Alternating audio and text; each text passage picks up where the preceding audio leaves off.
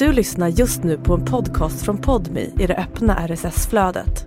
För att få tillgång till Podmis alla premiumpoddar helt utan reklam, prova Podmi Premium kostnadsfritt. Ladda ner appen i App Store eller Google Play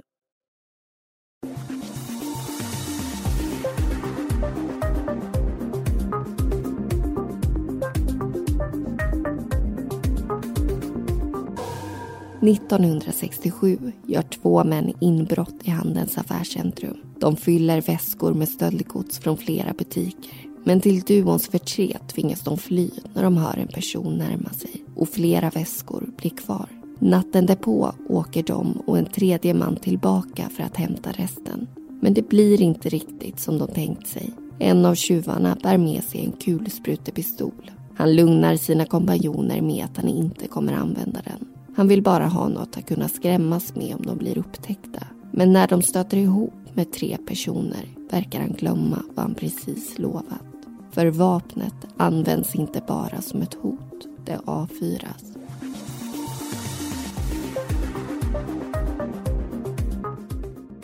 Du lyssnar på Mordpodden, en podcast om den mörka verkligheten. I veckans avsnitt ska du få höra om morden i Handen.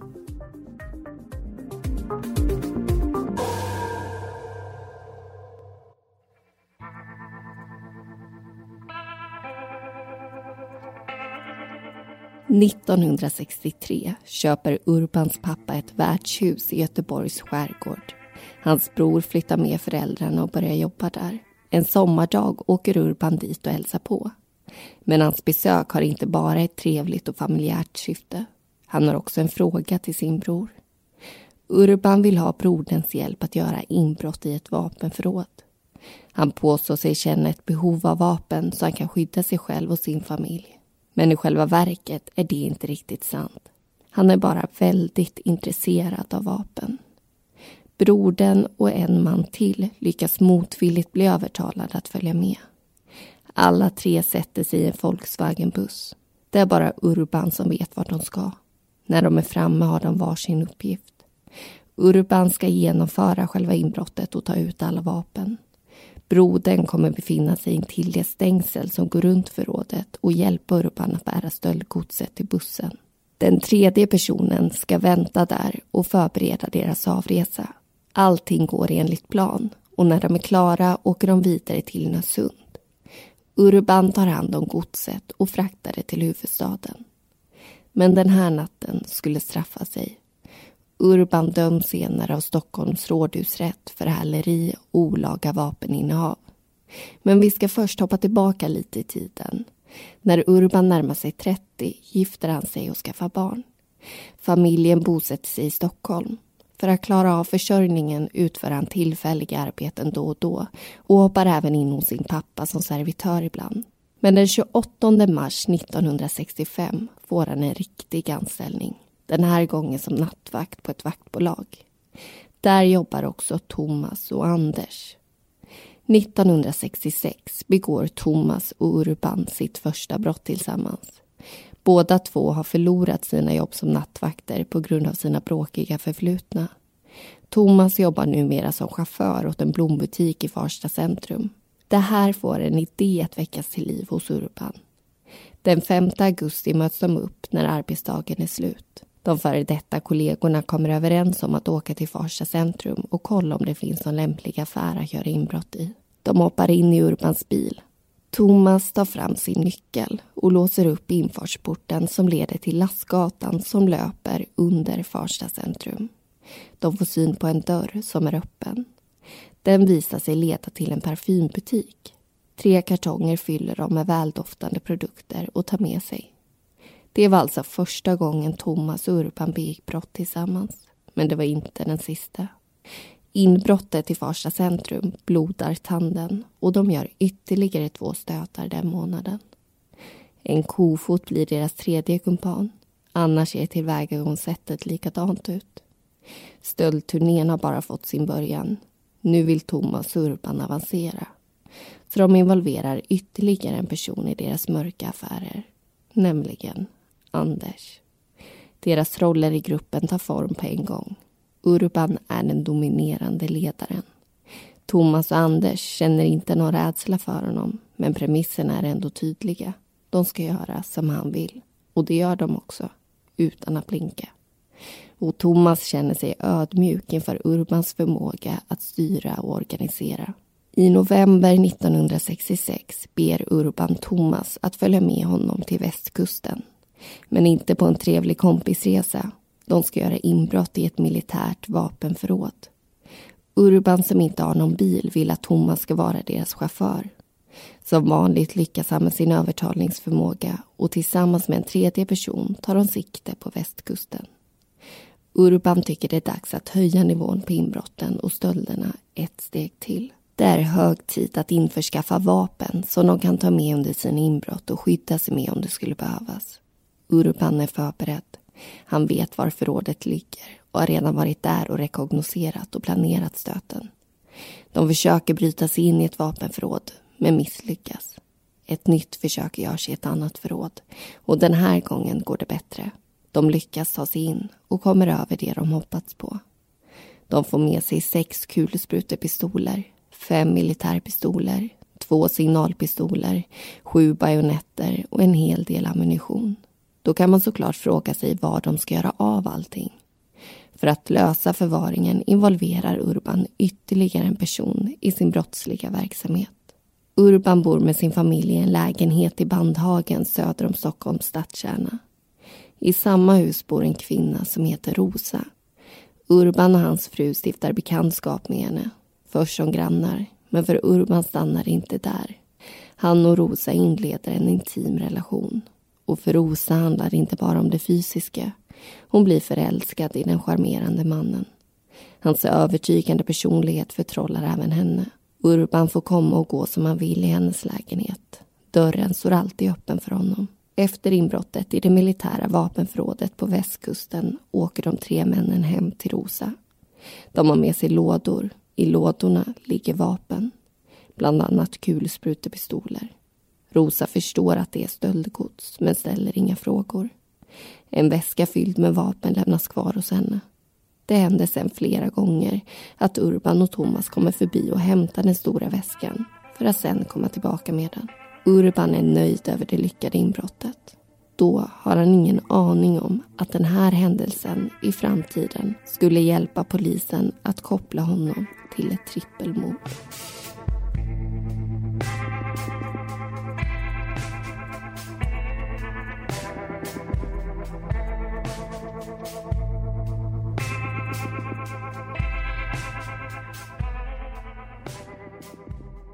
Mm. Och där har det alltså blivit dags att gå från berättelse in i vår första diskussion. Och veckans avsnitt handlar alltså om ett fall ifrån 60-talet. Det här är ju ett ganska rejält hopp bakåt i tiden som vi gör, vilket givetvis har att göra med hur speciellt det här fallet är i sig. Och som ni säkert har förstått så är det ju framförallt tre personer som har avgörande roller i den här händelsen. Det är Urban, Thomas och Anders. Så vi tänkte ägna några av de kommande minuterna åt att berätta lite om deras bakgrunder. Och om vi börjar med Urban, som man ändå får säga är den drivande i det här. Han säger själv att han är den som kommer med idéerna och är den dominerande i gruppen, vilket de andra håller med om. Han har en förmåga att lyckas få igenom sin vilja, inte på ett hotfullt sätt utan mer på ett övertygande sätt. Och efter inbrotten så är det också han som tar den största delen av kakan. Han får alltså behålla mest av deras stöldgods. För som ni säkert har förstått så är det inte bara ett inbrott det här handlar om utan man kan nästan kalla det för en stöldturné som tar fart där i mitten av 60-talet. Och Urban hade det faktiskt truligt redan tidigt i livet. Den eh, nordiska kriminalkrönikan från 1975 beskriver ju Urbans uppväxt. Mellan det att han är 5 och 15 år. A lot can happen in the next three years. Like a chatbot maybe your new best friend. But what won't change? Needing health insurance. United Healthcare tri-term medical plans are available for these changing times Underwritten by Golden Rule Insurance Company, they offer budget-friendly, flexible coverage for people who are in between jobs or missed open enrollment. The plans last nearly three years in some states, with access to a nationwide network of doctors and hospitals. So for whatever tomorrow brings, United Healthcare Tri-Term Medical Plans may be for you. Learn more at uh1.com. Så bodde han på olika barnhem. Han växte alltså inte upp som många andra med mamma och pappa och eventuella syskon, kusiner och så vidare. Eh, och Urban lyckas heller aldrig slutföra sina studier. Däremot så fullgjorde han ju sin värnplikt. Och han tänkte att han skulle utbilda sig till underofficer, att det skulle bli hans karriär. Men han blev eh, påkommen vid en vapenstöld vilket gjorde att den drömmen också gick i stöpet. Och om vi hoppar vidare till Thomas så övertog han och en vän en fotobutik i Stockholm i början av 60-talet. 1965 så öppnade de även en filial i Norrtälje men efter ett tag så bestämde de sig för att gå skilda vägar och skrev ett kontrakt som innebar att kollegan tog över filialen och Thomas butiken. Men det gick inte speciellt bra för Thomas att driva den här affären. Så på hösten så gick den faktiskt i konkurs och det var då som han började jobba som nattvakt. Och sist har vi då också Anders. Även han jobbade som nattvakt och han var kollega med Urban och Thomas en tid. Eh, och när han slutade där så fick han jobb som chaufför hos en fotofirma. Tyvärr så var han ju dock med om en bilolycka och eh, blev sjukskriven från det jobbet. Och han hade genom åren avtjänat straff för flera olika typer av brott men han bestämde sig att vända sitt liv till det positiva när han träffade sin fästmö 1962. Eh, och det löftet höll han till dess att Urban kom in i hans liv. Och Anders han beskriver det som att Urban hade ett magiskt inflytande över honom som gjorde att han kunde inte säga nej till honom. Och återigen så lockades han in i det kriminella. Och vi ska också prata om Urbans tid som nattvakt. Han hade jobbat lite hos sin pappa som servitör men det här var alltså hans första riktiga anställning. Dock så skötte han inte jobbet speciellt snyggt utan utnyttjade faktiskt sin arbetsplats för att begå brott. Ja, ett av hans första bevakningsuppdrag det gällde ju ett Ikea-varuhus som höll på att byggas. Han eh, fick syn på ett antal mattor en dag och såg sin möjlighet att sno dem och sälja vidare. Så han tog ju 10 till 15 stycken av dem men tjänade inte så mycket pengar på det som han hade hoppats. Det är med andra ord väldigt mycket som sker under de här åren. Det är många inbrott och det är mycket som stjäls. Och det här trappas ju hela tiden upp. Först så används inga direkta verktyg. Sen så kommer plötsligt en kofot in i bilden och så vips även en kulsprutepistol. Och jag tänker på serien Snabba Cash som väldigt många har sett nu. Och där är det en ung kille som dras in i kriminalitet. Det börjar med en väldigt liten sak och så stegras det här och så plötsligt är han med när människor dödas. Och ju längre tiden går desto mer indragen blir han och det blir också svårare, om man inte till och med kan säga omöjligt, att dra sig ur. Och det är viktigt för unga att tänka på att det är lätt att bli lockad av snabba pengar. Men i själva verket så kan det vara en fälla som sen inte går att ta sig ur. Eh, det finns ju en baksida med allting och jag tror att alla hoppas att just de ska komma undan. Att de kanske bara ska göra det en gång eller två gånger. Bara ta del av det här positiva men sällan blir det ju som tänkt, precis som i det här fallet. Och med de orden så ger vi oss tillbaka in i berättelsen och lyssnar på vad som väntar härnäst för Urban, Anders och Thomas.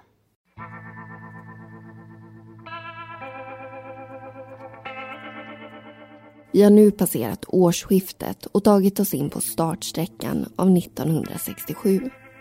I Haninge kommun håller Handens affärscentrum på att byggas. När det står färdigt kommer det bestå av fem byggnader. Men i dagsläget finns bara tre stycken. De har ett gemensamt källarplan och under husen löper en drygt 100 meter lång lastgata från norr till söder. Utfarten är fortfarande inte färdig så där finns tillfälligt en presenning som ska hjälpa till att skärma av. På ena sidan av lastgatan finns det också en lastkaj och därifrån kan man ta sig till två korridorer som leder till källarplanet. Men inte heller det här är helt färdigt. Så ingångarna till korridorerna är bara avskärmade av provisoriska träväggar med trädörrar som har hänglås på sig. Från den långa korridoren kommer man sen till själva affärskorridoren där varje dörr leder till en specifik affärslokal.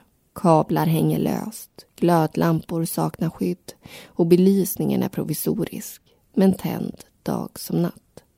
Det kan inte undgå någon att centrumet är under uppbyggnad. Men själva affärslokalerna är däremot färdigställda och tagna i bruk. I Urbans ögon är det här ett perfekt byte. Och det är hans idé att han tillsammans med Anders ska göra inbrott i Handelns centrum. Som vanligt blir det som Urban vill. På eftermiddagen den 7 januari 1967 åker duon dit. De parkerar bilen i närheten av centrumbebyggelsen. Där kollar de runt för att planera sin stöt. De upptäcker till sin förtjusning att det är möjligt att ta sig in via lastgatan under presenningen. I och med det har de samlat på sig den informationen de behöver. Så de lämnar platsen. Men bara tillfälligt. För nu är det bestämt. De ska göra inbrott i Handelns affärscentrum. Runt midnatt är de tillbaka. Urban har inte bara tagit med sig Anders, utan även en väska. I den ligger en kofot, vapen och utrustning som nattvakter brukar använda. Utrustningen är inte det enda som skvallrar om deras tidigare gemensamma arbetsplats. De har även med sig en nattvaktsuniform. Strax innan de är framme hoppar Anders i den. På det viset drar de inte ovälkomna blickar till sig när de kollar läget runt butikerna. De måste ju undersöka så kusten är klar innan de sätter igång. Till sin förtret ser de att det är människor i en radioaffär. Urban säger åt Anders att gå fram och prata med dem. Så det gör han. I butiken befinner sig en kvinna som jobbar där och tre kunder. Eftersom hon kände personerna hade hon låtit dem komma in och köpa en bandspelare trots att klockan egentligen var långt efter stängning. Anders knackar på fönsterrutan i sin uniform och visar genom sitt kroppsspråk att han vill komma in och prata med henne. Kvinnan i butiken är övertygad om att mannen hon ser är polis och öppnar dörren åt honom. Anders frågar om de tänker stanna länge i butiken. Kvinnan försäkrar honom om att de ska åka alldeles strax. Det svaret gör Anders nöjd. Han och Urban väntar tills sällskapet har lämnat butiken och sen är det fritt fram. De förflyttar sig till Lastgatan och letar upp presenningen de undersökt tidigare under dagen. Precis som de planerat tar de sig in. Urban håller kulsprutepistolen i handen. Magasinet är isat. Då hörs plötsligt ljudet av fotsteg så de båda männen gömmer sig hastigt. Personerna de hört avlägsnar sig och Urban och Anders vågar röra på sig igen. Belysningen är tänd i korridorerna och de hittar en trappa som leder upp till affärsplanet. Där rör de sig till en restaurang och ställer upp ytterdörren. På det viset har de en snabb väg ut om det skulle bli nödvändigt. Anders följer kablarna som leder från affärskorridoren ner till källarplanet. Där drar han ur kontakten så belysningen slocknar. Sen börjar deras jobb på riktigt. Med hjälp av kofoten bryter de sig in genom den ena affärsdörren efter den andra. Skenet från en lampa i en hiss hjälper dem att se i mörkret. Fem butiker slår de till mot totalt. De börjar med en väskaffär och använder väskorna de tar och fyller dem med stöldgods från de andra butikerna. När väskorna är fyllda ställs de ut i affärskorridoren. Men mitt i packandet får de syn på en bil utanför och sen tycker de sig höra någon komma in i det nedre planet. Paniken kommer smygande och männen bestämmer sig för att snabbt bege sig till nödutgången de skapat sig vid restaurangen. Förutom vapenväskan lyckas de bara få med sig en enda väska.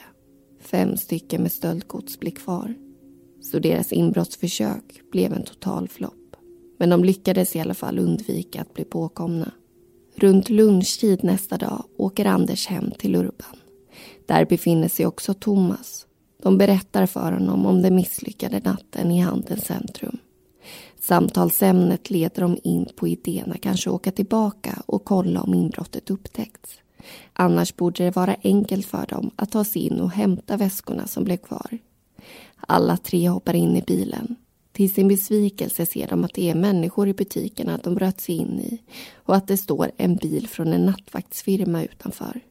Inbrottet har blivit upptäckt Trion sätter sig återigen i bilen och tar sikte på Stockholm innerstad. Men då väcks ytterligare en idé till liv. De kanske ska göra inbrott någon annanstans. Målet blir Bollmora centrum. Runt klockan sju på kvällen kommer de dit. Det är dags att planera den blivande stöten. De hittar en dörr som leder in i källaren. Den ställer de upp och åker sen till Stockholm innerstad och äter middag tillsammans på en restaurang. När magarna är mättade och törsten släckt åker de hem till Rosa för att hämta en kofot. Men Urban tar även fram en kulsprutepistol och en vanlig pistol. Pistolen stoppar han på sig. Anders och Thomas invänder. De tycker det är onödigt att ta med sig vapen. Men Urban ignorerar deras input och tar med sig det ändå.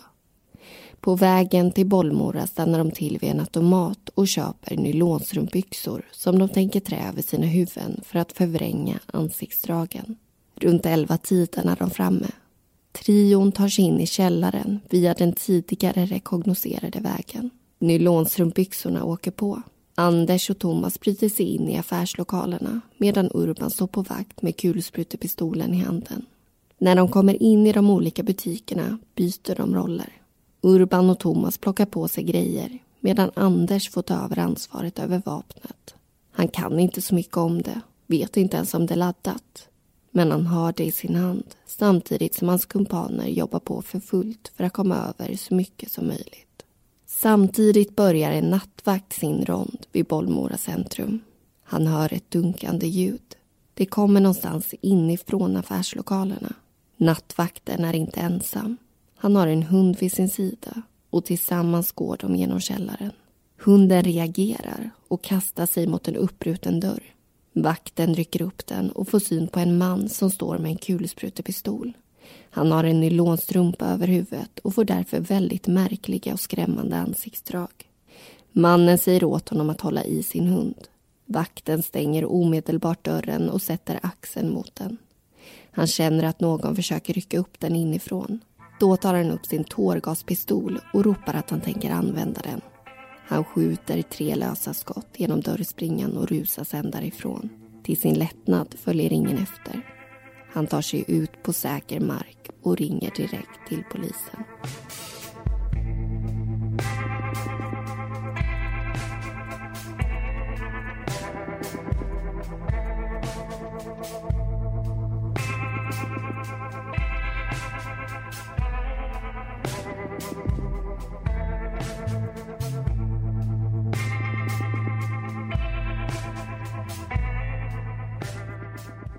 Ja, det blir ett nära möte för den där vakten som alltså lyckas undvika ett öde som ni nog förstår senare kommer att drabba någon annan. I den här diskussionen så ska vi prata om den här händelsen ur polisens perspektiv som är väl dokumenterat i den nordiska kriminalkrönikan från 1975. Och i den står det att polisen fick in en anmälan om inbrottet i Handelns centrum. Och nu pratar vi alltså om det här första inbrottet vi fått höra om. Och det är ju faktiskt där allting tar sin början. De åkte dit och upptäckte att tjuvarna hade brutit sig in i flera butiker och att de också hade lämnat fem väskor med stöldgods. De förstår att det finns en stor möjlighet att tjuvarna skulle komma tillbaka och hämta de här kvarlämnade väskorna så de bestämmer sig för att bevaka butikerna det varit inbrott i under den kommande natten. De hoppas ju att de här tjuvarna ska dyka upp igen för i så fall så blir de tagna på bar gärning. Och två poliser erbjuder sig att ta sig an det här uppdraget. Och de får ju veta att även en vakt vid eh, Handelns centrum kommer vara där och hjälpa till. Poliserna går hem, de vilar, de förbereder sig inför det här kommande nattjobbet och eh, sen åker de dit och möter upp med vakten som de ska jobba med. På natten så kommer information om att det har varit inbrott i Bollmora och att en vakt där har blivit hotad med kulsprutepistol. Och de två poliserna som eh, bevakar Handelns centrum har inte hört av sig så kollegorna förutsätter att allt är lugnt där. En undersökning sker i Bollmora och då har de såklart ingen aning om vad som samtidigt försiggår i Handen. Och när den här undersökningen är klar så blir vilan inte speciellt lång för snart så kommer beskedet att en nattvakt hittat stöd. Man förstår inte först att det handlar om ett mord så det uppstår ingen direkt oro för kollegorna. Men snart så kommer alltså sanningen fram att tre personer har blivit mördade och två av dem är poliskollegorna. Och det läggs ju såklart stora resurser på det här fallet redan från starten. Eh, men det tar ju ändå lång tid innan man närmar sig svaret på vilka gärningspersonerna är. Och det beror ju på att motivet är pengar. Eh, det är alltid svårare att hitta rätt personer när gärningsperson och offer inte har en personlig koppling. Annars är ju kartläggning av offren en ganska säker väg att gå för att hitta just den som har gjort dem illa, men alltså inte i det här fallet och det målas så småningom upp en skrämmande teori om att gärningspersonen kanske är polis. Dels så hittar man en väldigt märkligt parkerad polisbil vid Handens centrum och ingen kan svara på hur den hamnat där. Och sen så är kvinnan som jobbade i radiobutiken helt säker på att mannen som knackade på där under kvällen och frågade hur länge de skulle stanna var polis. Men poliserna hoppas såklart att det här är en felaktig teori, vilket också kommer visa sig vara. Och vi var inne på det redan i den första diskussionen att det här är ju någonting som trappas upp. Det börjar som inbrott, det blir till beväpnade inbrott och det slutar alltså med ett trippelmord, vilket nog ingen hade förväntat sig. Och det finns ju en till aspekt kring det här som vi ska prata om innan vi dyker tillbaka in i berättelsen igen. Ja, och det är att de, och nu säger jag de, men det är bara en av dem som döms för själva mordet. Men att de mördar för att komma undan med inbrott. Inbrott är såklart ett mycket, mycket lindrigare brott och jag tänker att allting fallerar när de då mördar någon. För anledningen är att de inte vill åka fast. Men det slutar ju ändå med att de gör det och då för mord istället för inbrott. Så hela syftet med mordet går ju förlorat och straffet blir betydligt hårdare och konsekvenserna större för att inte prata om att tre personer mister livet. Det här går liksom inte ihop i mitt huvud och det är ju inte första gången man ser det här hända. Eh, jag kan säga att jag förstår ju hur du menar, eh, men jag kan också tänka mig att det är rätt mycket känslor i kroppen när de här inbrotten begås. Att eh, man är på helspänn, man är redo att agera för att eh, man vet att det man gör det är olagligt och när som helst så kan man bli påkommen, man kan tvingas möta konsekvenserna av ens handlande. Eh, och att vara uppskruvad och samtidigt bära på livsfarliga vapen, det är ju inte en bra kombination. För om någonting händer så är det ju stor sannolikhet att man reagerar innan man hinner tänka efter och där fattas ju inte alltid de bästa besluten. Eh, och med det så sätter vi faktiskt punkt. Det har eh, blivit dags att lyssna på den sista delen utav morden i Handen. De tre männen återvänder alltså till Handens centrum och nu ska vi få höra vad det var som egentligen hände där.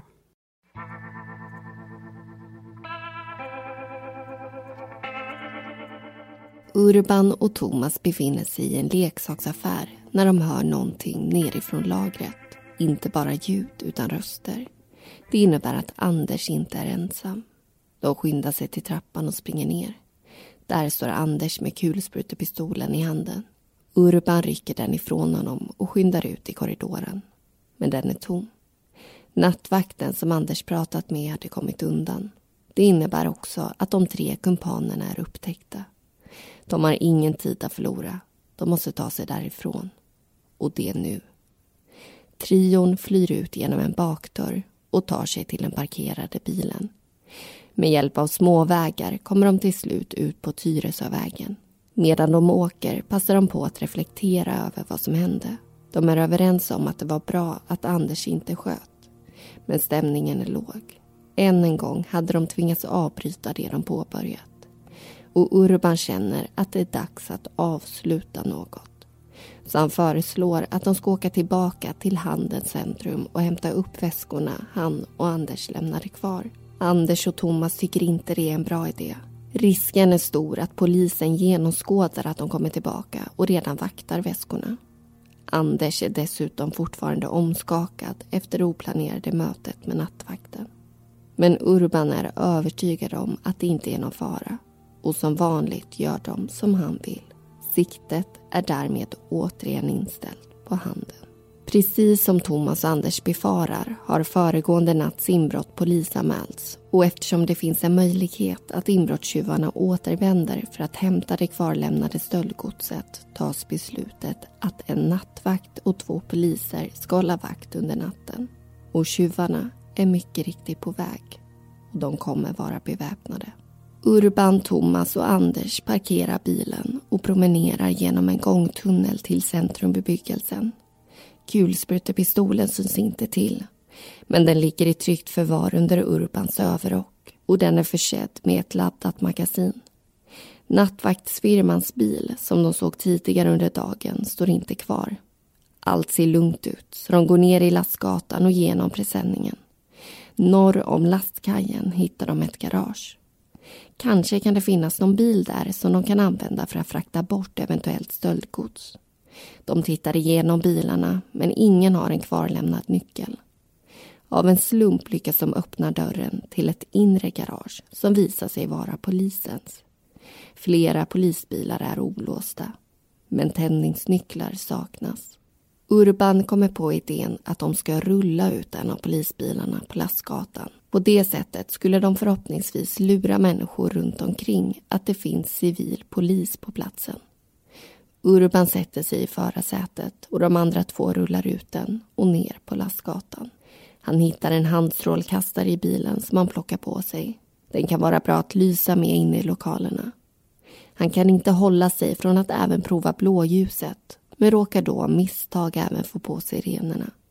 Det tjuter som bara den. Urban går ensam upp för trappan till affärskorridoren. Belysningen är släckt. Plötsligt öppnas dörrarna till två butiker.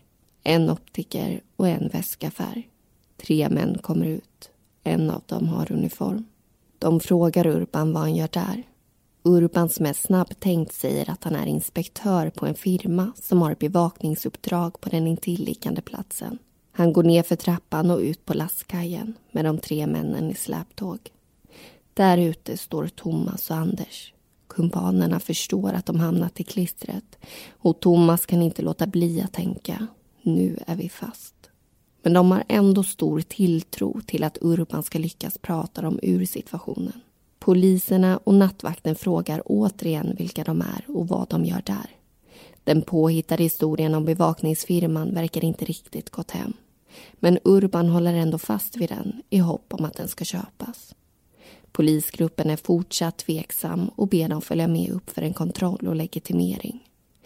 Urban, Thomas och Anders tar täten och polisgruppen följer med bakom. Kulsprutepistolen är fortfarande under Urbans överrock. Hela gänget tar sig upp för trappan till affärskorridoren. Där smäller de första skotten av. Men vem som sköt har man inte kunnat ta reda på. Alla säger olika saker, men ingen tar ansvar. Anders menar att han springer söderut genom lokalerna och får syn på en hund som kommer emot honom. Han gör liggtecknet och hunden börjar springa runt. Anders vill bara ut från byggnaden. Han rusar tillbaka och ner för trappan. Flera smällar, ganska täta, hörs och även skrik. När han når långkorridoren ser han Urban som skjuter en salva med kulsprutepistolen mot en person som faller ner på golvet. Anders står kvar som förstenad. Urban springer runt och fortsätter skjuta runt omkring sig. Men till slut ropar han Vi sticker. Och det blir de magiska orden för att få tillbaka Anders till verkligheten. Han kommer ur sin trans och de springer ut på lastgatan och fram till bilen. Thomas är strax efter dem. Anders, som hittills varit trions chaufför, är alldeles för omskakad för att vilja köra bil och lämnar över nycklarna och ansvaret till Urban som är mer sansad. Han frågar Urban varför han sköt. Det gällde dem eller oss, får han till svar. Annars pratar de inte mer om det som hänt utan åker raka vägen hem till Rosas lägenhet. De kommer dit ungefär halv två på natten. Trion sätter sig i köket och pratar. Rosa förstår på dem att någonting har hänt. De är upprörda och Urban säger något om att tre män blivit skjutna. På hans begäran ställer hon undan vägen med vapnet Och den här gången är det inte bara ett vapen. Det är ett mordvapen. Några dagar senare tar Urban kontakt med Rosa igen.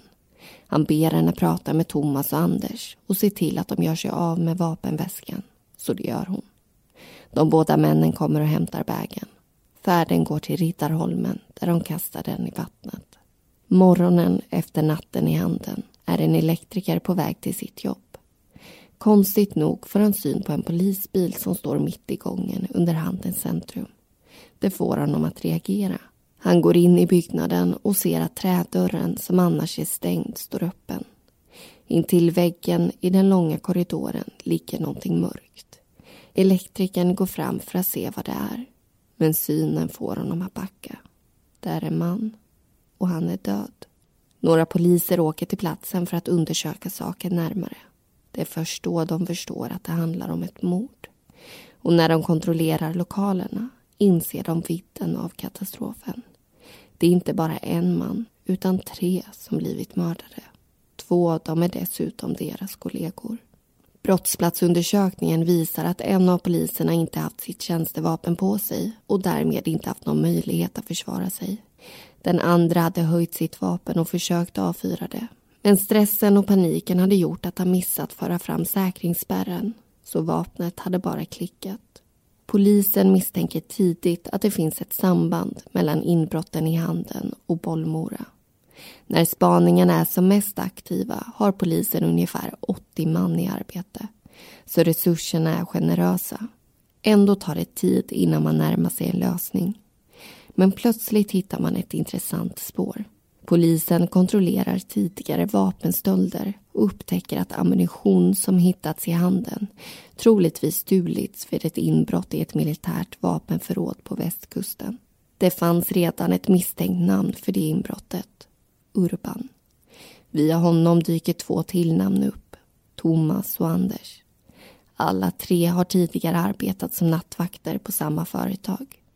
De tre männen erkänner på en gång och Urban tar på sig ansvaret för morden.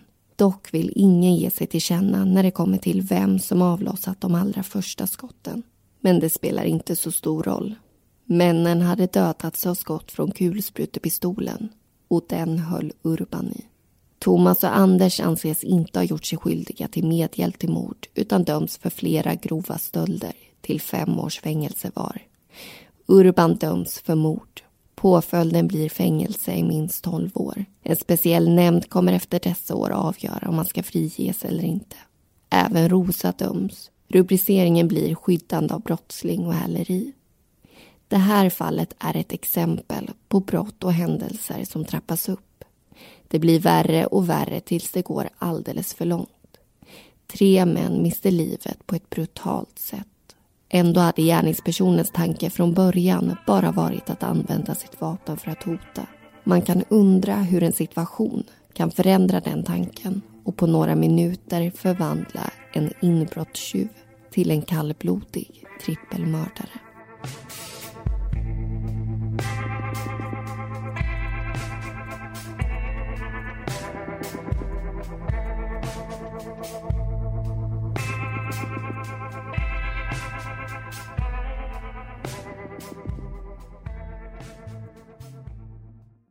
Och det var allting vi hade att berätta om morden i Handen.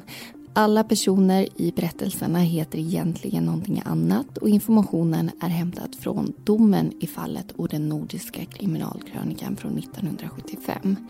Nästa vecka är vi tillbaka med ett nytt avsnitt, missa inte det.